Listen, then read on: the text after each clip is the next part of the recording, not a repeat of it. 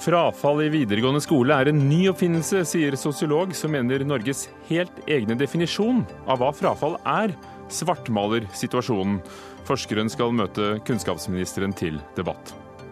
Oljeaksjene ga høyest avkastning for oljefondet i fjor, men nå må politikerne åpne for å investere i mer fornybar energi, sier Verdens naturfond, og utfordrer både Høyre og opposisjonen. Svart skokrem er det eneste som mangler, sier komiker Shabana Rehman om Hvem har æren? Et stykke om æresdrap på Oslo Nye Teater. Teatersjefen er blitt fargeblind, sier hun, og ufarliggjør stykket som handler om æresdrap.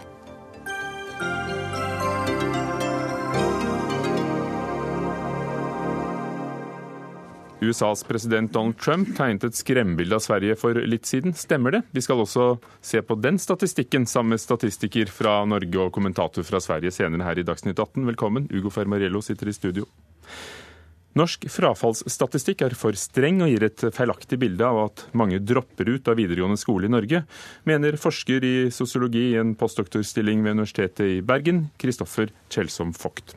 I Tidsskrift for samfunnsforskning og i en kronikk på ytring på nrk.no hevder han at politikere ikke er tålmodige nok med ungdom. Mange velger nemlig å fullføre videregående skole på et senere tidspunkt enn den normerte tiden, som er fem år. Og dermed blir de regnet som dropouts og et samfunnsproblem. Kristoffer Kjelsom Vogt ved Universitetet i Bergen. Er det rundt 70% av ungdommer som fullfører videregående skole innen fem år eh, etter ungdomsskolen, og resten er da frafallende. Hvorfor mener du at vi er blitt for utålmodige? Det For å forstå hvorfor vi er blitt så utålmodige med ungdom i dette landet, så, og hvordan frafall spiller inn i det, debatten om frafall spiller inn i det, så må vi se det litt i et historisk perspektiv og et litt internasjonalt perspektiv.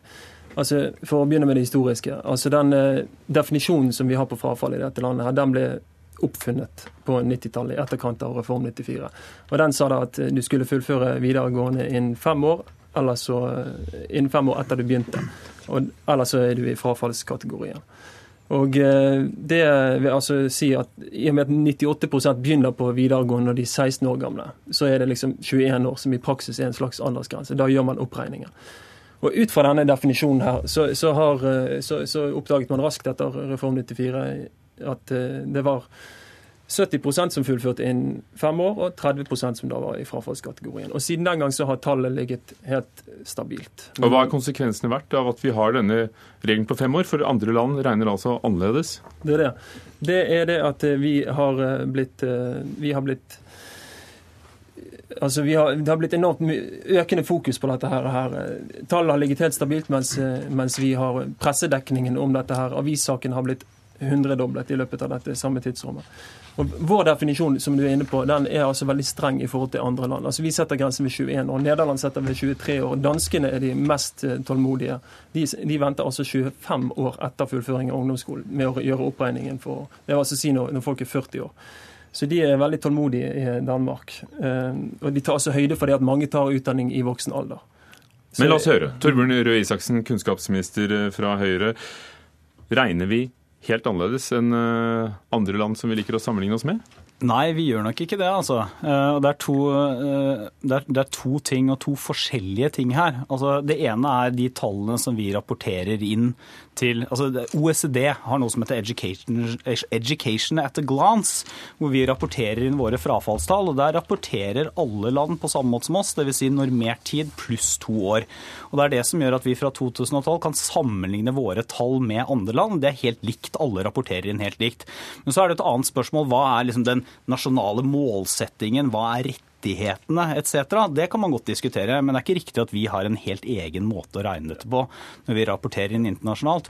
Og så er det også en annen ting bare til det liksom tekniske først. for det er, det er nok ikke riktig at man har vært klar over dette siden 1994. Eh, frem til 2005 så eh, presenterte Statistisk sentralbyrå statistikk hvor de sa at 95% hadde oppnådd videregående skole.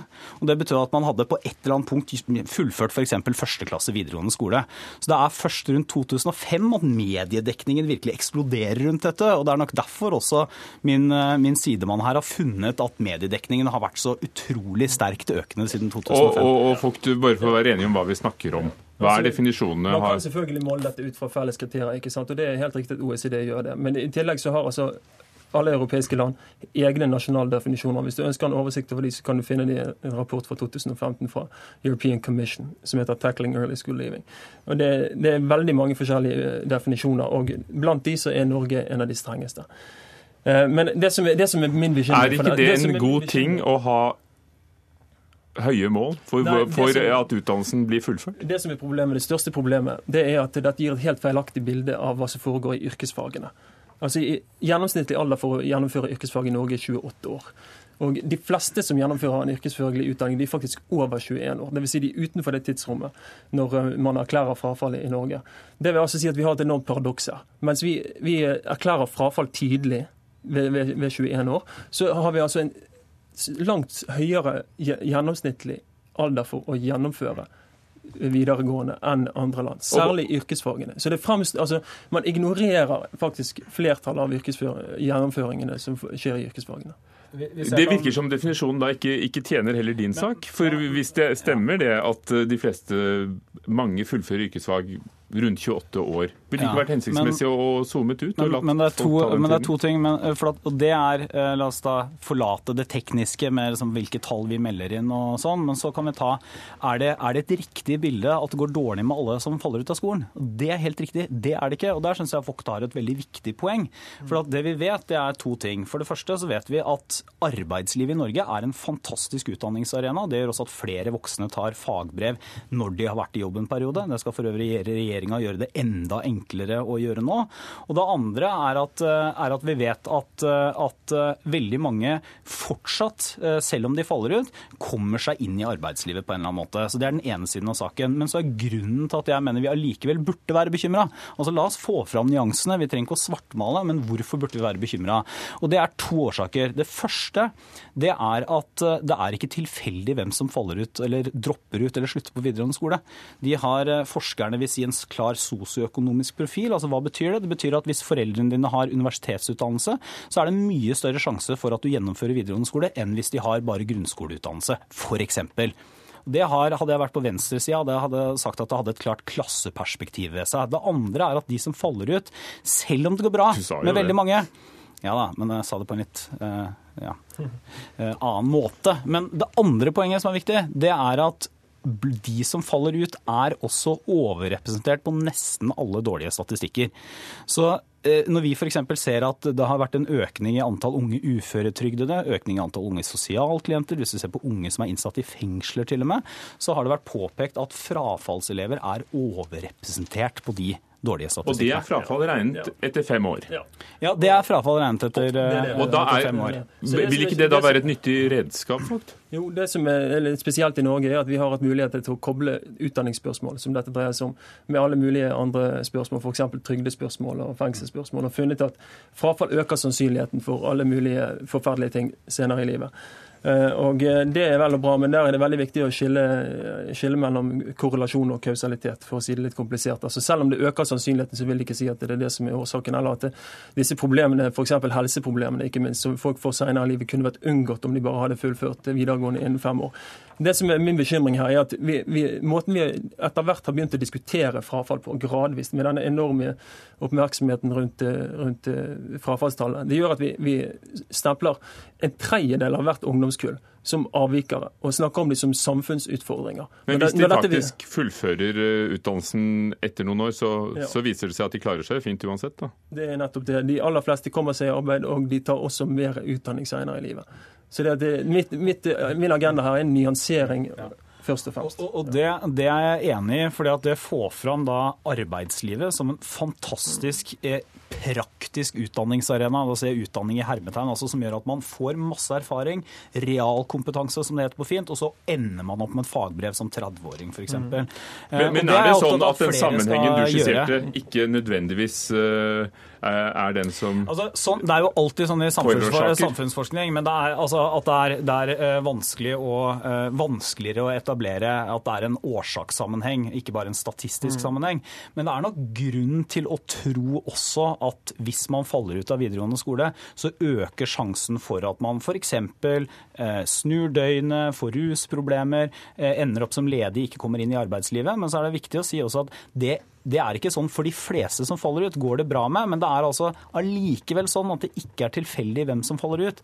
De har en klar profil, hvis man kan kalle det det. Og da er det nyttig å ha dette målet og denne standarden ved å se på fem år det det. fra starten av utdannelsen. Hvorfor, hvorfor tror du folk at ikke andre land opplever det som et nyttig redskap? Politisk mål? Ja, altså andre land har jo helt forskjellige institusjonelle ordninger. Og det som er Problemet med å anvende den strenge definisjonen på det norske systemet, er at vi har et velutbygd system for yrkesfag, og vi har høye krav for hva en fagarbeider skal være. Og Det tar tid, og det skjer i samarbeid med, med, med, med aktørene i arbeidslivet. Uh, og, og men hadde Norge hatt så... operert med ja. Danmarkstall, skriver du, ja. så ville frafallet sett ut som 14 og, og ikke 30 og, og, Danmark har da ganske lik utdannelse som oss. Hvor, hvorfor er det så forskjellig? Det som er flott, er at Danmark tar høyde for det at de har et godt, utdannet, godt system for voksenutdanning, akkurat sånn som vi har. Det tar de høyde for i måten, måten de måler frafall. Det gjør altså ikke vi. Og det som er Problemet da er at vi, vi legger liksom middelklassens standard over hele ungdomsbefolkningen. For middelklassen har jo dette aldri vært noe problem å ta videregående rett etter ungdomsskolen. Og der har vi klasseperspektiv igjen. Er, er det sånn at altså, vi trer de kravene nedover alle? Sånn når Danmark melder inn, og vi sammenligner oss med Danmark, så sammenligner vi akkurat det samme, i, i hvert fall i OECD, nemlig fullført på normert tid pluss to år. Og det andre at Jeg er helt uenig i at det er perspektivet. for det Snarere så er jo perspektivet, hvis man skal se på systematiske forskjeller mellom folk, så er jo det at det er ikke tilfeldig at altså Det er også barn av en eh, professor og en ingeniør som faller ut av skolen eller dropper ut av skolen, men det er ikke normen. Så du ville anbefalt Danmark å, å hatt uh, Nei, altså, men det er, ikke, det, er ikke, det, er ikke, det er jo ikke som om vi ikke har tall for hvor mange som har fullført etter 10 år og etter 15 år. Altså, alt dette har vi også tall for. Men det er altså sånn at det er viktig å fullføre videregående skole også i altså Flest mulig som begynner på yrkesfag, burde ende opp med et fagbrev. Og det er et samfunnsproblem at såpass mange ikke gjør det. Men er det at folk blir skremt fra yrkesfag? Er det, det, hva er det du er bekymret for? Ja, jeg er bekymret for at, at for grunn av at man snakker så mye om frafall på yrkesfag ut fra denne smale definisjonen, så blir det et problemfokus. og det kan skremmer veldig mange vekk fra yrkesfagene. Og det er det siste vi trenger, at det skremmer ungdommer og deres foreldre. Takk skal dere ha. Kristoffer Kjeldsom Vogt, forsker i sosiologi ved Universitetet i Bergen, og Torbjørn Røe Isaksen.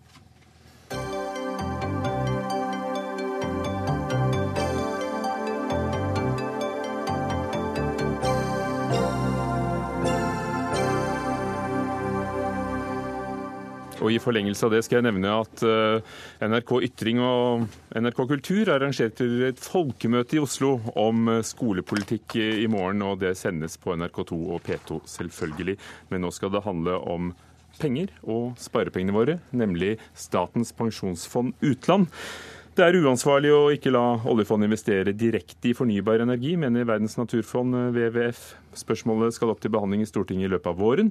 Og i dag la oljefondet, som vi kaller det ofte, frem årsrapporten. Fondet hadde en avkastning på 6,9% 447 milliarder kroner i fjor. Aksjeinvesteringene ga en avkastning på 8,7 og avkastningen på rentene var på 4,3% Oljefondet det utgjorde ved utgangen av fjoråret 7,5 billioner kroner. Det er 7500 milliarder kroner. Nesten sånne Andeby-størrelser over dette. Denne våren skal regjeringen legge frem altså innstillingen om fondet også skal få investere i infrastruktur som ikke er børsnoterte selskaper. Og Det kan være områder som fornybar energi, tog, veier og broer. Nina Jensen, generalsekretær i Verdens naturfond, WWF eh, Norge.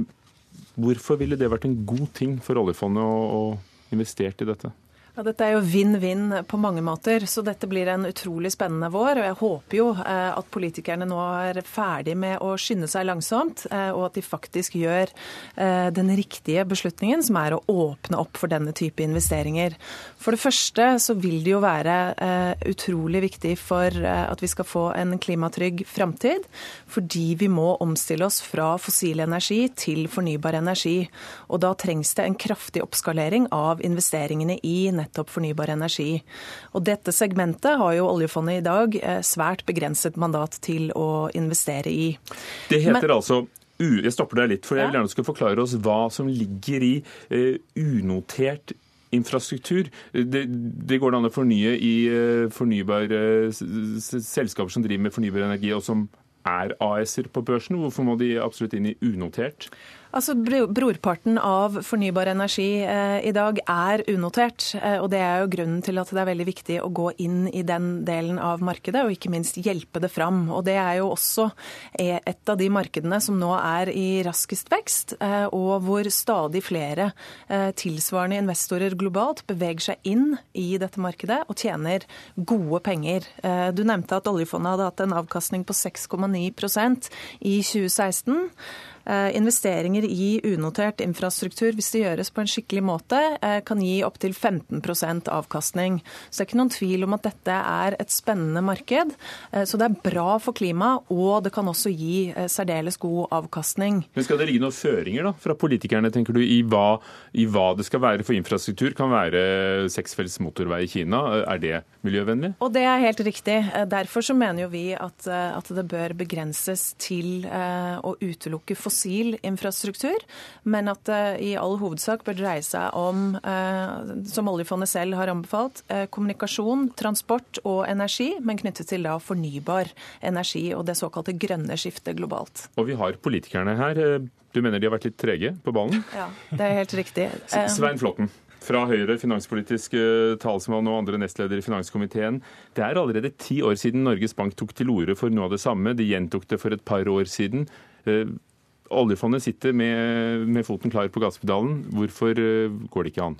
Noe av eh, oljefondets suksess skyldes nettopp dette at man har vært det programlederen kaller trege, nemlig det å skynde seg langsomt. Dette å få eksperter til å gjennomgå ting før man går inn i nye markeder. Og så må man alltid ha for øye det som er hovedsaken for fondet. Det er at det skal være størst mulig avkastning og til moderat risiko. Og til disse unoterte infrastrukturen da, som eh, Nina Jensen snakker om, det er jo alle mulige ting. Fra flyplasser til broer og veier og tunneler og, og i fornybar. Ikke ikke vet jeg. Eh, det kan være interessante investeringer. Men det unoterte er jo ikke så regulert som det du kan kjøpe i et vanlig aksjeselskap, som også programlederen er inne på. Det er større risiko for at eh, de landene som eier dette, kan gå inn med reguleringer.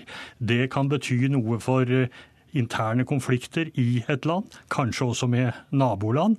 Og det betyr jo også Men, men det kunne du vel gjort om det var et AS? Uh, ja, men du får, får, mye fjernere tilknytning til det når du kommer direkte inn som en eier. Det er jo, helt, det er jo stor forskjell på å ha en aksje i en bygård nede i Oslo her, og det å eie bygården. Så omdømmerisikoen er stor, og det var det vi ba regjeringen i fjor om å gå gjennom disse tingene. Jeg ser uh, at det nikkes fra Arbeiderpartiet her. Vi ba om at de nok en gang skulle se på omdømmerisikoen, på hvordan dette kunne håndteres, ikke minst se på hvordan andre fond i verden har håndtert det. Altså gjøre det på akkurat den måten som vi alltid har gjort, skynde oss langsomt. Nina Jensen, eh, politisk risiko og ikke minst finansiell risiko. Jeg tror alle vi som sitter i panelet er enige om at eh, man må håndtere risiko på en god måte, eh, og ikke minst at disse investeringene må gjøres på en ansvarlig måte. Eh, og så er det jo ikke sånn at man ikke har skyndet seg langsomt her. Eh, som du sier, det første brevet fra Norges Bank kom i 2006. Det er altså nå elleve år siden. Så her har man altså hatt god tid. Eh, problemet nå er jo at man risikerer å gi oljefondet en, en ulempe, fordi tilsvarende investorer nå posisjonerer seg og gjør det godt i dette markedet. Og det får altså ikke oljefondet lov til. Torstein Tvedt Solberg, finanskomitémedlem fra Arbeiderpartiet. Hva mener Arbeiderpartiet? Nei, Vi har vært veldig opptatt av at dette må eh, vurderes. Regjeringen la jo i fjor eh, fram et forslag der Høyre og Frp sa at en skulle lukke diskusjonen helt for infrastruktur. Og Da var vi veldig opptatt av i Stortinget, og da fikk vi alle partiene med oss på at denne prosessen måtte fortsette. Hva har dere vurdert det til da i Arbeiderpartiet? Vi er veldig spent på å se hva regjeringen kommer med nå. Det er jo helt klart at det er en ny virkelighet for fondet, som i 2016 gjør seg gjeldende. Ja, Er det en ny virkelighet? 2006 skrev de at de vil dette, det er over ti år siden. Og, og andre statlige fond investerer som E24 kunne skrive om. Ja, for det er jeg helt enig med Nina Jensen i at denne diskusjonen presser seg fram. For vi har en helt ny virkelighet for fondet, der en i 2016 for første gang tok ut penger. Så denne type diskusjoner, der en i større grad må se på nye markeder og nye typer investeringer, den kommer til å presse seg fram. Vi har ikke landa 100% ned på hvordan dette skal gjøre, nettopp fordi det er ganske uklart hvordan denne type investeringer skal gjøres.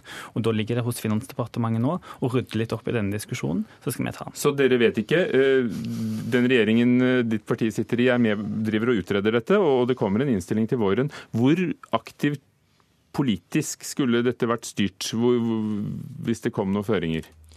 Jeg tror at dette skal styres stort sett gjennom kunnskap. Eh, gjennom eksperter som ser på det. Eh, vi har brukt mange år på dette, men det har man også gjort på andre ting. Og Et forhold som jeg ikke tok opp i sted, det er at dette vil også kreve mye mer forvaltningsmessig. Jeg ser i avisen i dag at man kritiserer fondene for å bruke mye penger for å forvalte.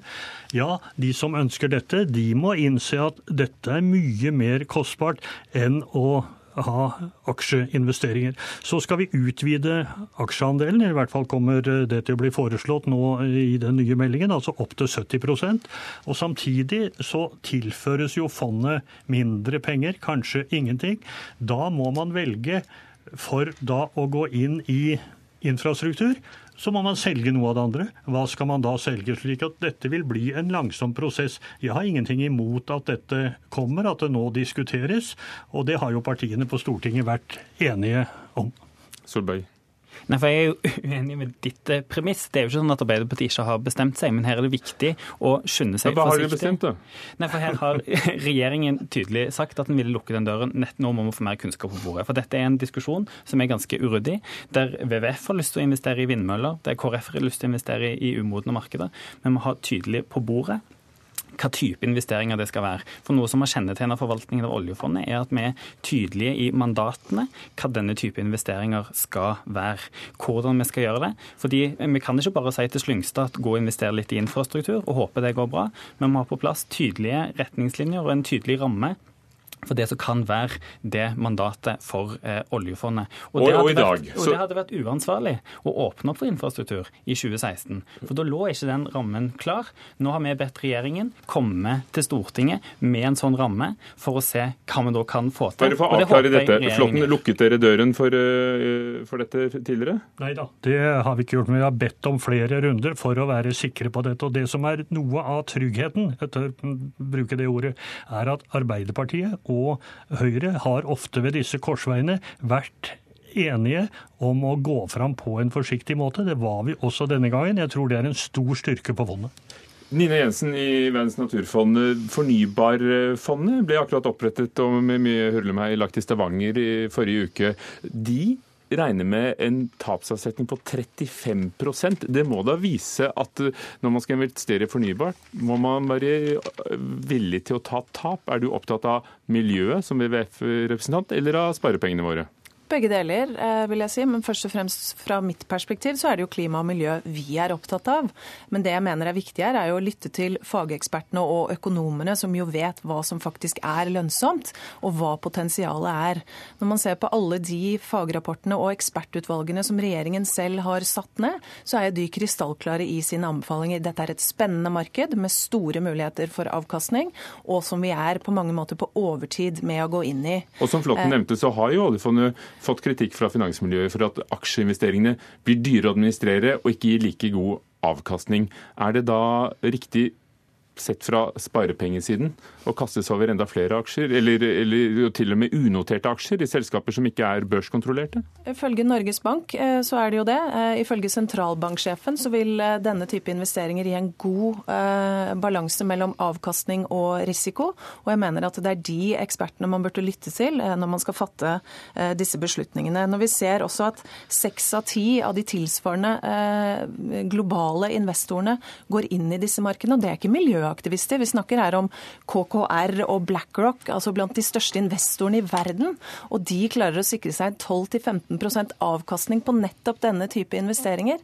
Ja, så er det vanskelig å forstå at man nå driver aktiv politisk styring ved å ikke gi oljefondet mandat til å gå inn i dette. For i dag, eh, Flåtten, eh, rundt 5% er i eiendom, altså i bygårder på Champs-Élysées og ved Piccadilly Circus i, London. Ville det ikke vært bra å differensiere litt og og kanskje ha noen fornybare prosjekter ellers i verden? Jo da, men vi vil veldig gjerne vite hva vi gjør. Og jeg har lyst til å si til Nina Jensen at eh, oljefondet har faktisk miljømandater. Avkastningen på de mandatene som de har, er dessverre langt under det som er snittet for fondet. Og en ting til, denne ekspertgruppen som anbefalte dette, de var ganske delt i sin anbefaling. Og hoveddelen av gruppen sier at ja til infrastruktur, men i noterte selskaper. Det er en betydelig risiko her. Jeg sier ikke at regjeringen er imot dette, men å gå fram med varsomhet, det tror jeg vi kommer til å ha til gode siden. For børsnoteringen Nina Jensen, handler jo også om åpenhet i selskaper. De kravene selskapene har til offentliggjøring av regnskaper, til samfunnsansvar. Er ikke det risikabelt å, å gå på akkord med det? Jeg tror ikke jeg er den eh, fremste eksperten til å snakke om risiko. Det mener jeg bør overlate til, eh, til, andre. Eh, og når man da ser på de faglige utredningene som er blitt gjort Senest i forrige uke kom det jo en analyse fra IEFA som viste at tilsvarende investorer klarer godt å håndtere denne type risiko. Og derfor så tror vi at oljefondet burde være mer enn godt nok posisjonert for å gjøre det samme. Solberg, hvor, hvor stor risiko tror du de kan håndtere? Det var jo nettopp det som var begrunnelsen til at Finansdepartementet sa nei sist, at risikoen er så stor. Jeg syns det er viktig, og jeg mener vi må ikke ta lett på risikoen som eh, ligger der. Og Det er jo noe av det vi har vært opptatt av, at en både må ha et bedre tilsyn og passe på hvor vi investerer sparepengene, sparepengene våre. Det er ikke en beslutning vi skal ta lett på, og derfor er det viktig å skynde seg forsiktig og ha tydelig mandat. Risikerer jeg høyt ved å gi deg en siste replikk? Overlate risikoen, sier Nina Jensen. Det vil hun gjøre til noen andre, og det er oss. Den ansvarligheten skal vi ta. Vi får se når innstillingen kommer. Takk skal dere ha. Svein Flåtten, finanskomiteen for Høyre, Torstein Tvedt Solberg i finanskomiteen for Arbeiderpartiet og Nina Jensen, generalsekretær i WWF Norge.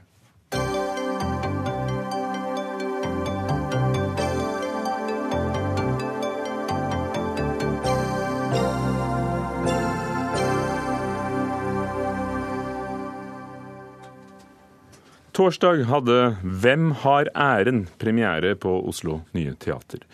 Stykket er skrevet av den syriske dramatikeren Ibrahim Amir og handler om en ung kvinne som skal drepes fordi hun har vanæret familien ved å stikke av med sin elsker.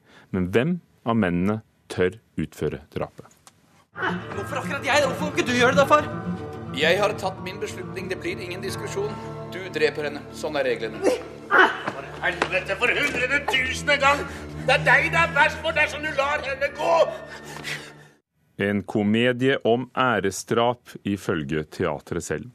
Shabana Rehman, komiker og skribent.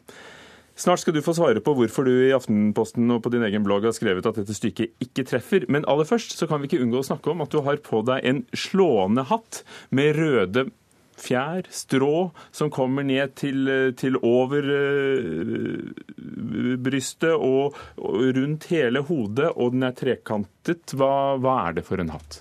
Du, dette er um, stolt eh, hodeplagg som skal symbolisere kvinner som ikke lar seg kneble. Det er sekulær feministisk front som bærer denne hatten. Så, og 8. mars i år så skal vi innvandrermenn og innvandrerkvinner gå i demonstrasjonstog i solidaritet med ofre for æresvold sammen med norsk kvinnebevegelse. Hva er det laget av? Jeg må, vi bare få dette ut av veien, så ikke folk blir opphengt i, i, i hatten. Hva... Ingen dyr har lyd når denne ble produsert. Du har skrevet om uh, Hvem har æren, som du har sett. Det er et stykke som har hatt suksess i Wien, hvor uh, dramatikeren bor. Det skal settes opp i London og blitt spilt mange steder, nå også i Oslo. Hva er det som ikke traff deg? Altså, Stykkets humorpremiss, at nordmenn spiller arabere, for å si det eh, kort oppsummert, er veldig morsomt. Og jeg vil bare ha det sagt at hvis man skal se eh, ett teaterstykke denne våren, så se Hvem har æren. Men jeg er svært kritisk til de kunstneriske valgene som har, eh, er blitt tatt. Som Oslo-kvinne så føler jeg at, at eh, det multietniske Oslo er blitt snytt fordi at eh, man har bare, eh, tatt et valg som viser at, at hvite hvite menn skal på en måte være normen som skal treffe alle. fordi at uh, Teatersjefen har jo sagt at dette uh, hensikten er å treffe machokulturer i alle miljøer. Men i norsk samfunnsdebatt så har innvandrermenn tatt æresvolden. De har tatt det opp. Og det kunne hatt så mye mer sprengkraft hvis man så minoritetsmenn, skuespillere, eh, spille ut dette eh, forferdelige kvinnehetsende eh, komedien, ironisk nok. Da. Så det hadde vært sterkere for deg? Absolutt. Mye mer sprengkraft. Det er vi blitt snytt for. Kim Bjørke, regissør og, og teatersjef ja. Eh, ved Oslo Nye Teater. Hva var tanken din? For du, du valgte å la alle hvite norske skuespillere spille, spille stykket. Terje Strømdal spiller Faren. nå har du også ikke omtalt min hårprakt. Nei, den er, uh, Den Men, er øh, som eh, undertegnedes. Ja, men ok, okay, lad, de, lad os mænd ligge i den forstand. Øhm, nej, altså det er, jo, det er jo sådan, at, at øh, det det her grusomme og kvindefjendske kvindeforagtende øh, øh, æreskultur findes rigtig mange forskellige steder i, øh, i det her land og i den her del av vores verden. Øh, I mange øh, øh, helt ulike samfunn øh, og parallelsamfund.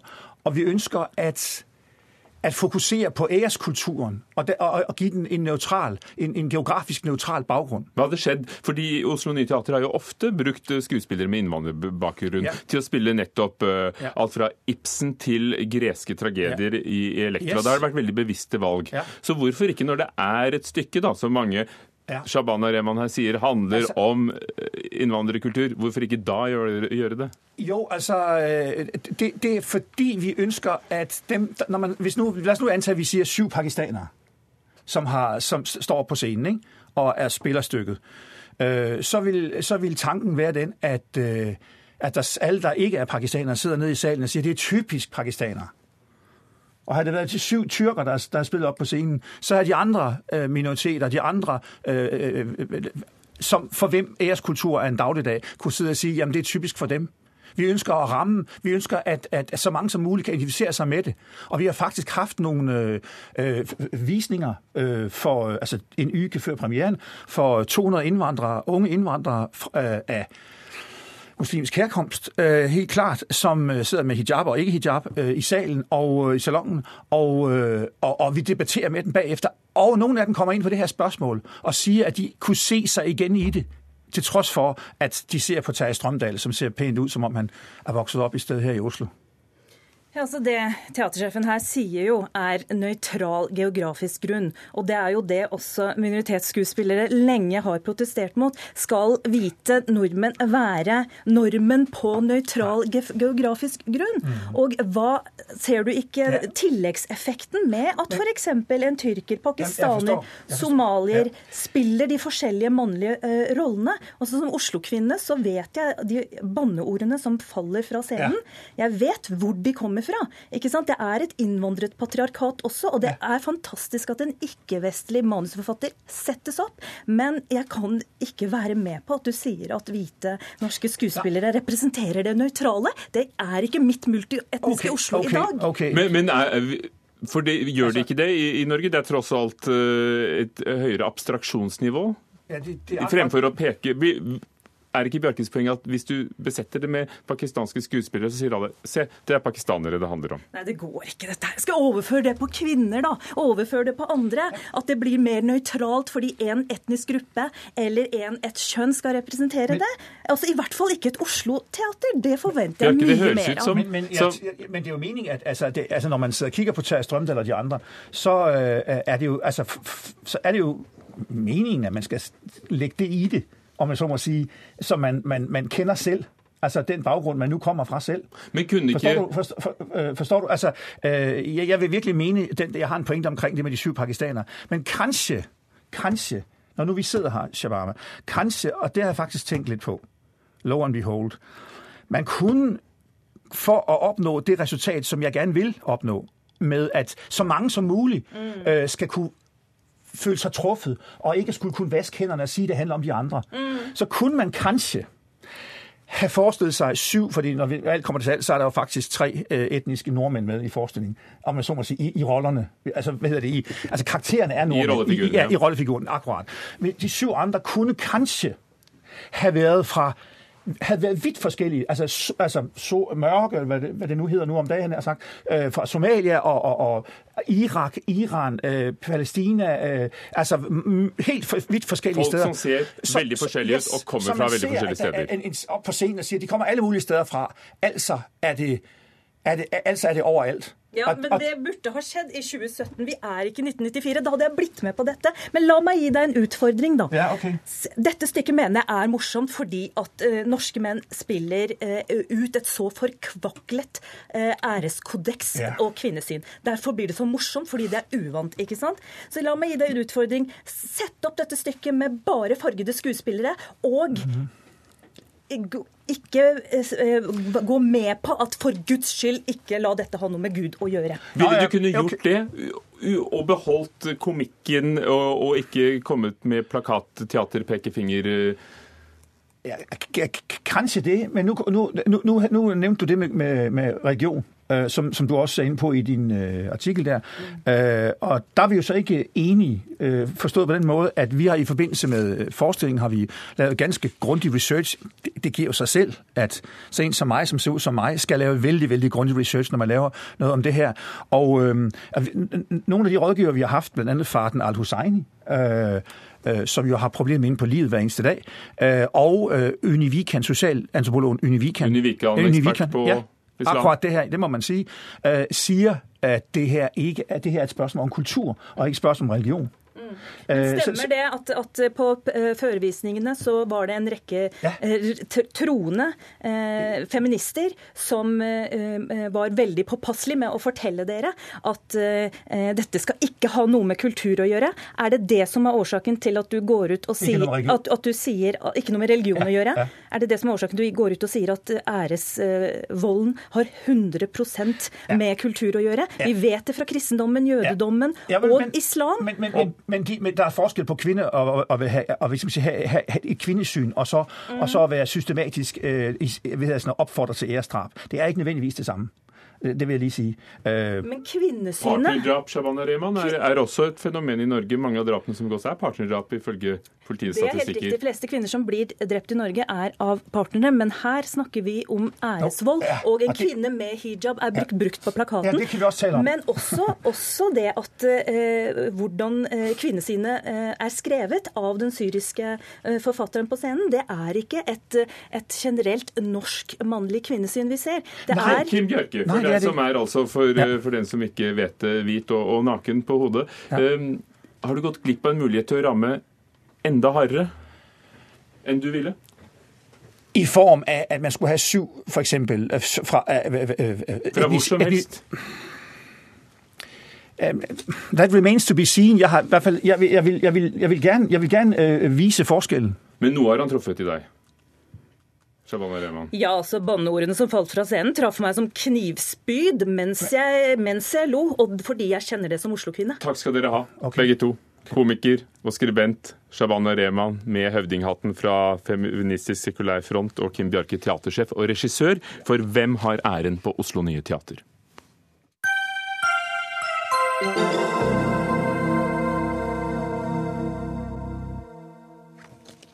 Denne uken skal eh, USAs president eh, legge frem sitt første statsbudsjett natt til onsdag, og i norske mediehus har nattevaktene allerede begynt å gjøre seg klare, for da kommer det jo alltid festlige uttalelser og nye analyser. I Aftenposten i dag skriver Helge Lurås at norsk medias dekning av Trump minner om propaganda, og at hovedstrømsmediene har begge bena godt plantet i det som brexit og Trump ville utfordre.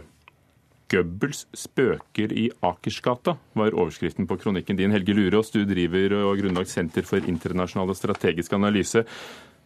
Tar du litt hardt i, eller er det da man kommer på trykk, når du sammenligner eh, norske medier og Hitlers eh, propagandaminister?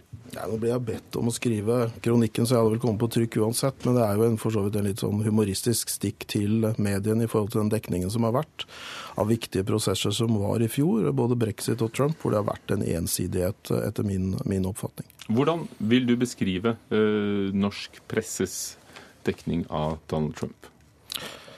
Som veldig ensidig og med stort sett mangelfulle analyser og forståelse også for eh, hva Trump rørte i, i, USA, og hvor da også de aller fleste tok grundig feil eh, rundt hans sjanser for å, eh, for å, vinne.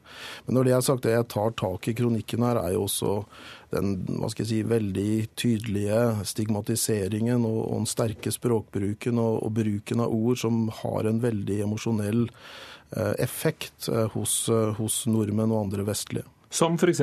ordet fascist. Et av eksemplene er hvor mange mediene, ganger mediene har hatt tittelen 'Er Trump fascist?'. Men, men i mange ganger så konkluderer jo nettopp de samme artiklene, bl.a. i Aftenposten, om at han, at han ikke er det. Ja, men bare det at du legger opp til diskusjonen etterlater jo et visst inntrykk. Og det er ikke bare fascist, det er rasist, det er nazist, det er antisemitt, det er russisk agent, eh, det er for så vidt eh, psykopat, det er narsissist. Det er på en måte alle de verste beskrivelsene du kan gjøre av et menneske i et vestlig samfunn, som du tar opp til diskusjon eh, rundt, rundt Trump. Og jeg tror det etterlater et inntrykk hos lesere, seere, lyttere, som gjør at det er veldig vanskelig da å, å trenge gjennom med dypere analyser, selv om man faktisk konkluderer med at han ikke er fascist eller rasist. Og nettopp i Aftenposten, hvor du skrev dette, så er du nyhetsredaktør Tone Tveå Strøm Gundersen. Hvor objektive er journalister de, i Aftenposten når de skriver om Trump? I nyhetsjournalistikken så jobber jo journalistene og redaksjonen med å strekke seg til objektivitet hver eneste dag. Eh, jeg mener at det Helge Lurås skriver i kronikken, representerer egentlig den aller vrangeste lesingen av mediene det er mulig å få til. Eh, han har tatt ut enkeltartikler artikler og bruker dem som indikasjon på at vi ikke dekker Trump på en objektiv måte eller går inn i politikken hans. Og så har jeg festet meg ved særlig de fire punktene han nevner eh, i kronikken, som ikke mediene tar opp. Eh, fordi det er jo akkurat de punktene vi har jobbet med og brukt veldig mye av våre journalistiske ressurser til siden vi begynte dekningen av eh, det europeiske opprøret, velgeropprøret. I, det var vinteren 2016 begynte vi å jobbe med det. Og Da jobbet vi jo akkurat med de punktene, nemlig nasjonalstaten, globaliseringen eh, og velgeropprøret som førte til brexit, og som videre førte til Trump. Og Da har vi også vært ute etter å hente inn, hente inn, alternative stemmer. Vi har jobbet med ulike forskermiljøer. Vi har vært ute blant folk og snakket med dem. Eh, med tanke på å få inn helt andre kilder enn bare elite. Er du fanden som leser Bibelen? Ja, dels kan du kanskje si det, men det er veldig få kritiske stemmer i, i Norge. Og, og, jeg mener at når du ser også på den oppmerksomheten, den kritikken som jeg og noen få andre har kommet med, så er det helt klart at det er mange som har den samme oppfatningen, og at det har vært en ensidighet eh, i pressen på, på dette feltet her. Men det tror jeg er viktig å huske på, og Aftenposten er på ingen måte av de verste. De har hatt en god del eh, artikler og analyser som er relativt bra på det mer grunnleggende. Men det som, når det gjelder da å faktisk nå tak i leserne, når du først stempler mange av disse synspunktene synspunktene som veldig nært knytta til de mest stigmatiserende begrepene. Igjen, bare la meg gjenta rasist, fascist, nazist osv. Så, videre. så får du ikke noen måte å fremstille dette på med, visst, med, en viss form for sympati. Sånn at du knytter da disse strømningene som nå er i Europa og USA til ek, ekstremt negative begreper. Og Det tror jeg gjør at også Aftenposten faktisk ikke kommer fram da med de analysene. Og Det jeg etterlyser vel her, det er at også på redak redaksjonelt hold, på kommentatorplass osv., at det faktisk er folk i massemediene som faktisk har en sympati med de strømningene som er, og at man ikke ikke bare eh, betrakter det som en raritet. Finner dere mennesker med sympati? Ja. Vi hadde jo eh, utenrikseventet i Aftenposten nå for et par-tre uker siden. Da fløy vi faktisk inn fra USA to Trump-velgere som vi hadde møtt på reportasjereise i USA eh, i forkant av valget. Vi var opptatt av å finne de stemmene også og få dem inn. Og når vi skulle ha eventet nå, så fikk vi dem til Norge, sånn at de kunne svare på spørsmål fra norske eh, interesserte, de som er interesserte. Og da snakket jo de om hvorfor de hadde stemt på Trump, og begrunnet det på en ganske god måte, vil jeg si. Så vi er jo veldig opptatt av å finne de motstemmene. Det er utrolig viktig men, at vi men, greier det. Men helt litt uh, uvitenskapelig, observerer ikke du ord som rasist, fascist uh, bli uh, antydet? Og uavhengig av konklusjon så blir de jo heftende ved ham, da. Ja. Men jeg mener at det er jo en del av Altså, vi må jo skrive om Donald Trump. Eh, jeg regner med at Helge Lurås ikke mener at vi skal la være å skrive om ham fordi om han kommer med, ut med kontroversielle politiske standpunkter. Da må jo vi ettergå dem. Og kronikken han viser til, hvor vi hadde Bernt Hagtvedt som skrev eh, 'Er han fascist?' Så, så, er jo konklusjonen, hvis man leser helt ned, at nei, han er ikke det. Men det må være mulig for mediene å reise spørsmålet og reise debatten, og så komme med konklusjoner etter hvert. Eh, men, men, få en god diskusjon om, hvordan, om hans politiske prosjekt. Og nå blir jo Goebbels hengende ved Akersgata, da, etter at du reiser spørsmål om, om hans bøker eh, for norsk eh, presse. Går det an å unngå å, å, å, å ta de ordene folk lurer på? Jeg tror eh, norsk presse klarer å børste av seg denne Goebbels-sammenligningen ganske lett. Eh, og i forhold til hvor dominerende den type si, stigmatiserende uttrykk har vært rundt eh, Trump, så er det mye mer si, alvorlig i forhold til det inntrykket som etterlates. Og hvis du tenker du sier på- Man ville aldri reist dette spørsmålet hvis det var en annen, en annen type presidentkandidat, f.eks.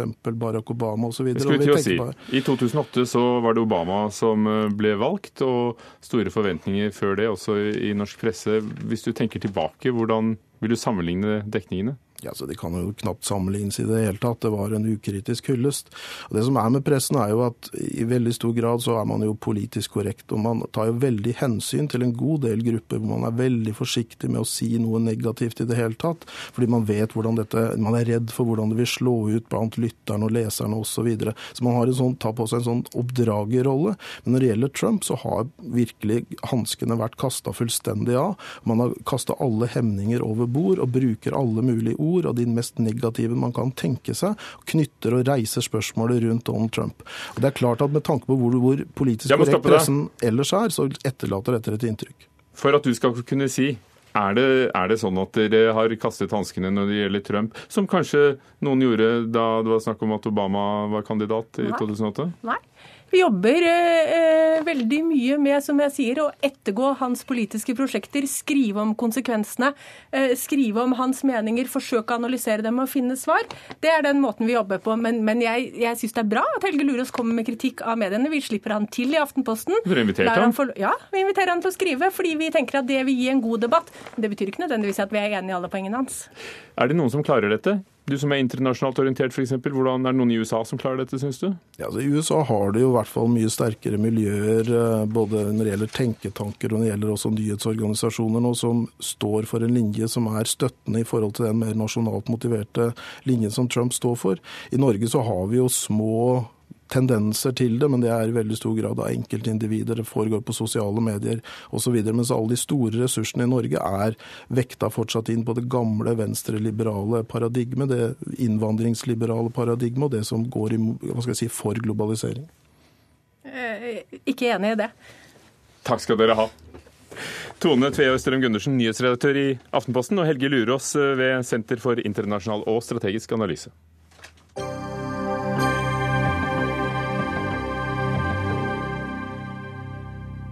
Donald Trump, ja. USAs president. Det skal fortsatt eh, handle om, ham og, og, og noe det han sa for en stund siden. For det ble mye oppstuss da Trump tegnet et dystert bilde av Sverige, innvandring og kriminalitet fra en talerstol i delstaten Florida. Se hva som skjer i Sverige. De har problemer de aldri trodde kunne være mulig. Forrige tirsdag var det voldelige opptøyer i bydelen Rinkeby utenfor Stockholm, der det bor mange innvandrere, og det fikk enkelte til å si at kanskje Trump hadde rett.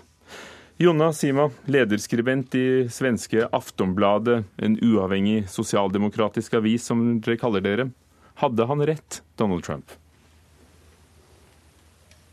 Nei, helt åpenbart hadde han ikke rett. Eh, Hela landet var jo forvirret efter hans utspill där.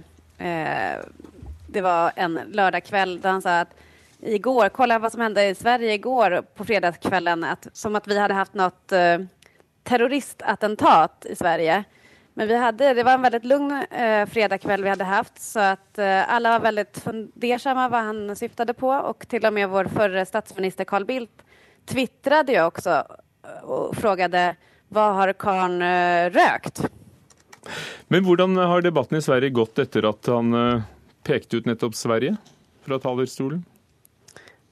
Ja, alltså vad, han syft, vad, det, vad han syftade på var ju ett kraftigt vinklat och felaktigt inslag som hade sänts i Fox News. Och även eh, de som hade blivit intervjuade där, alltså det var två polismän till exempel, sa ju att de hade blivit intervjuade under helt andra premisser. Eh, de visste inte att det här inslaget skulle vinkla då på eh, att invandring var negativt och så vidare. Eh, så de kallade ju till och med den här journalisten för en madman. Hmm. Eh, men reaksjonene reaktionerna har varit stora här i Sverige i flera veckor. Men Jonna Sima i, i Aftonbladet, hva sier tallene dere har i Sverige? Hvilken sammenheng er det mellom kriminalitet og innvandring? Eh, idag så publicerades eh, den stora eh, brottsutvecklingsrapporten som kommer var fjärde år i, i Sverige, eh, som är från Brottsförebyggande rådet. Och eh, den visar, den övergripande slutsatsen som den rapporten visar är att andelen personer som utsätts för kriminalitet i Sverige minskar. Och även det dödliga våldet har minskat över tid. Eh, vad den inte säger är hur, hur, det, hur andelen, eh, eller vad människor har för bakgrund, alltså bland de kriminella. Eh, vi har, Brå för inte statistik över etnisk bakgrund på det viset. Men det går ned. Så selv, om vi, hører, så selv om vi hører om opptøyer i, i Rinkeby, og, så, så, går kriminaliteten ned? Eh, ja, i, i, Sverige. Den, eh, rapporten är inte för varje stadsdel. Rinkeby är en stadsdel i Stockholm. Men vad vi vet är ju att, att eh, in, personer med invandrarbakgrund är överrepresenterade i, i eh, brottsstatistiken, även om inte just den här eh, rapporten visar det. Eh, och att det har ett samband också med, eh, med de socioekonomiska, alltså de ekonomiska mm. bakgrunden. Att det är personer som kommer från segregerade områden som Rinkeby eh, och ekonomiskt familier. familjer. Jan Arild Snoen, journalist og kommentator i avisen og nettstedet Minerva. og I en artikkel der prøver du å oppsummere hva vi vet om sammenhengen mellom innvandring og kriminalitet, som vi hørte litt om fra Sverige. Hva er du kommet frem til? Altså, det er jo sånn at Her kan du plukke omtrent de fakta du, du, ønsker. Men når det gjelder Sverige, så er det jo litt sprikende, fordi antall anmeldte forbrytelser har jo gått ganske jevnt opp, oppover lenge.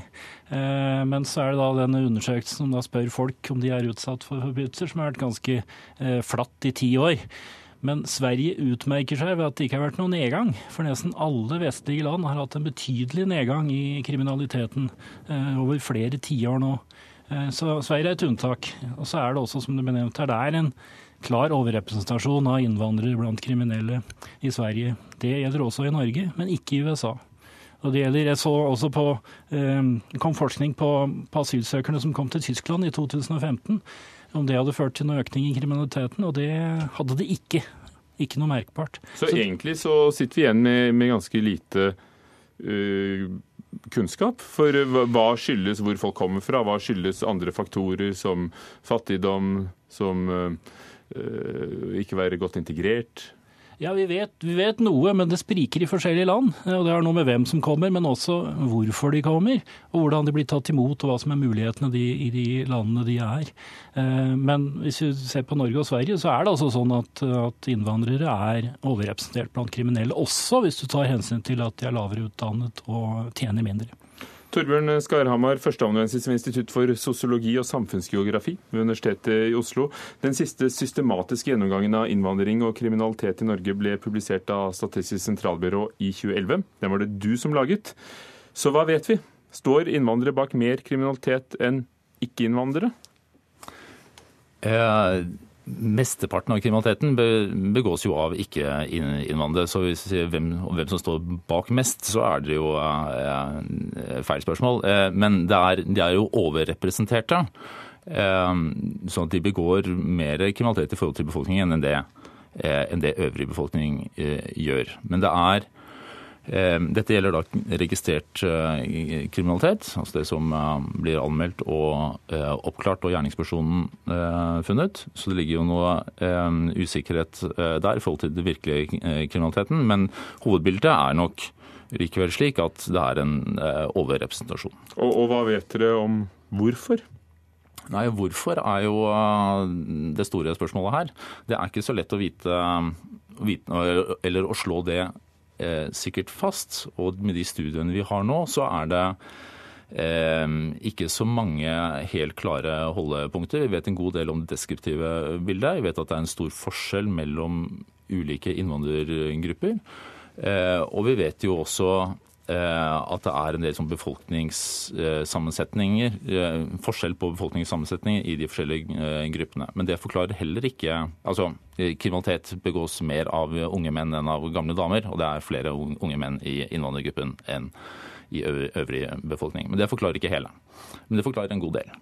Eh, og det som står igjen der, da vet vi eh, Eller det som diskuteres, det er jo da hva som er sosiale forhold.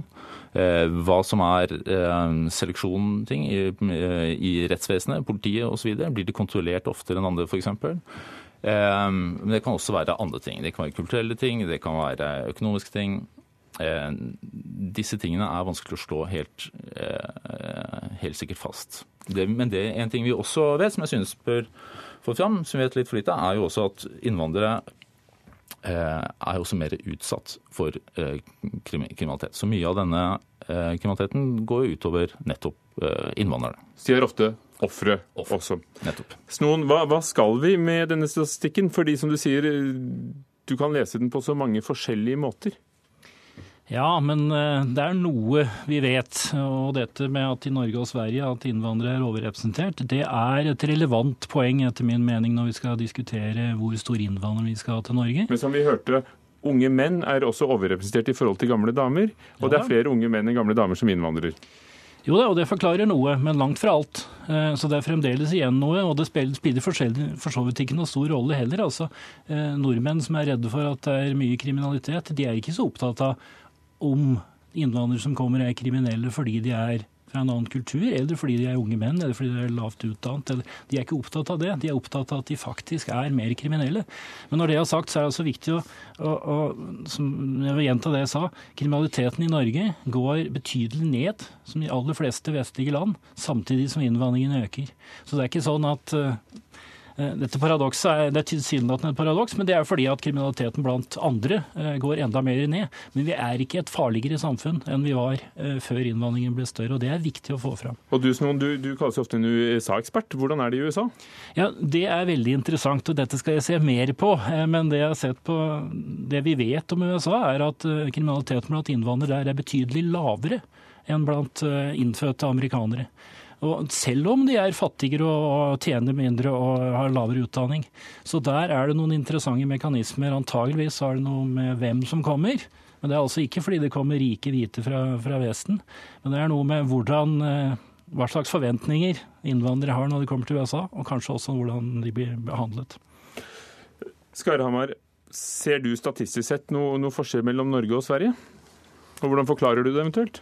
Nei, Nå har ikke jeg gjort noen sammenligning mellom Norge og Sverige, så jeg skal ikke uttale meg altfor mye om det. Men eh, eh, svensk politi gjorde en analyse av utsatte områder for en tid, tid siden, og de trakk jo også fram eh, de, de fram særlig hopning av eh, sosiale problemer i områder hvor det også var fysiske strukturer i hvordan disse nabolagene er bygd opp med eh, boligblokker rundt og areal i midten. Som virker veldig hyggelig, eh, hyggelig som et bo, bomiljø, men det gjør at det er vanskelig å, å rykke ut med utrykningsbiler, som gir et helt annet eh, utgangspunkt for trøbbel. og den type boligstykker har vi ikke her. Så her er det alt fra sosiologiske til eh, arkitektoniske forklaringer eh, for drømmen om folkehjemmet. Jone Sima, har, i Norge så har Sverige et rykte for å være redd for å ta innvandrerdebatten. Stemmer det? Nei, Vi diskuterer det hele tiden. Det er nesten den fråga som dominerer eh, debatten i Sverige. Eh, och det märktes inte minst efter Trumps utspel här. Och, och, vi har ju ett parti som heter Sverigedemokraterna som var snabba med att vilja göra politiska poänger på det utspelet och skrev ju en egen artikel i Wall Street Journal där de höll med eh, och gav eh, Trump och Fox News rätt. Eh, Medan vår regering då gick i svarsmål och menar att, att det där var faktiskt en svartmålning av Sverige. Att, eh, ja, som, som eh, den här aktuella eh, brottsstatistiken då, som presenterades idag och som har varit eh, överallt i media idag visar faktiskt att, att kriminaliteten eller brottsligheten går, går ner her også i Sverige. Takk skal du ha, Jonas Sima. Ja. Vi må avslutte med de, de, gode ordene der fra dagens statistikk. Du er lederskribent i Aftenbladet, Jan Arild Snoen er skribent i Minerva, og Torbjørn Skarhamar er førsteamanuensis ved Universitetet i Oslo. Ida Tunne Øresland var ansvarlig for denne utgaven av Dagsnytt 18. Finn Lie, teknisk ansvarlig. Ugo Fermarello, programleder. Takk for i dag.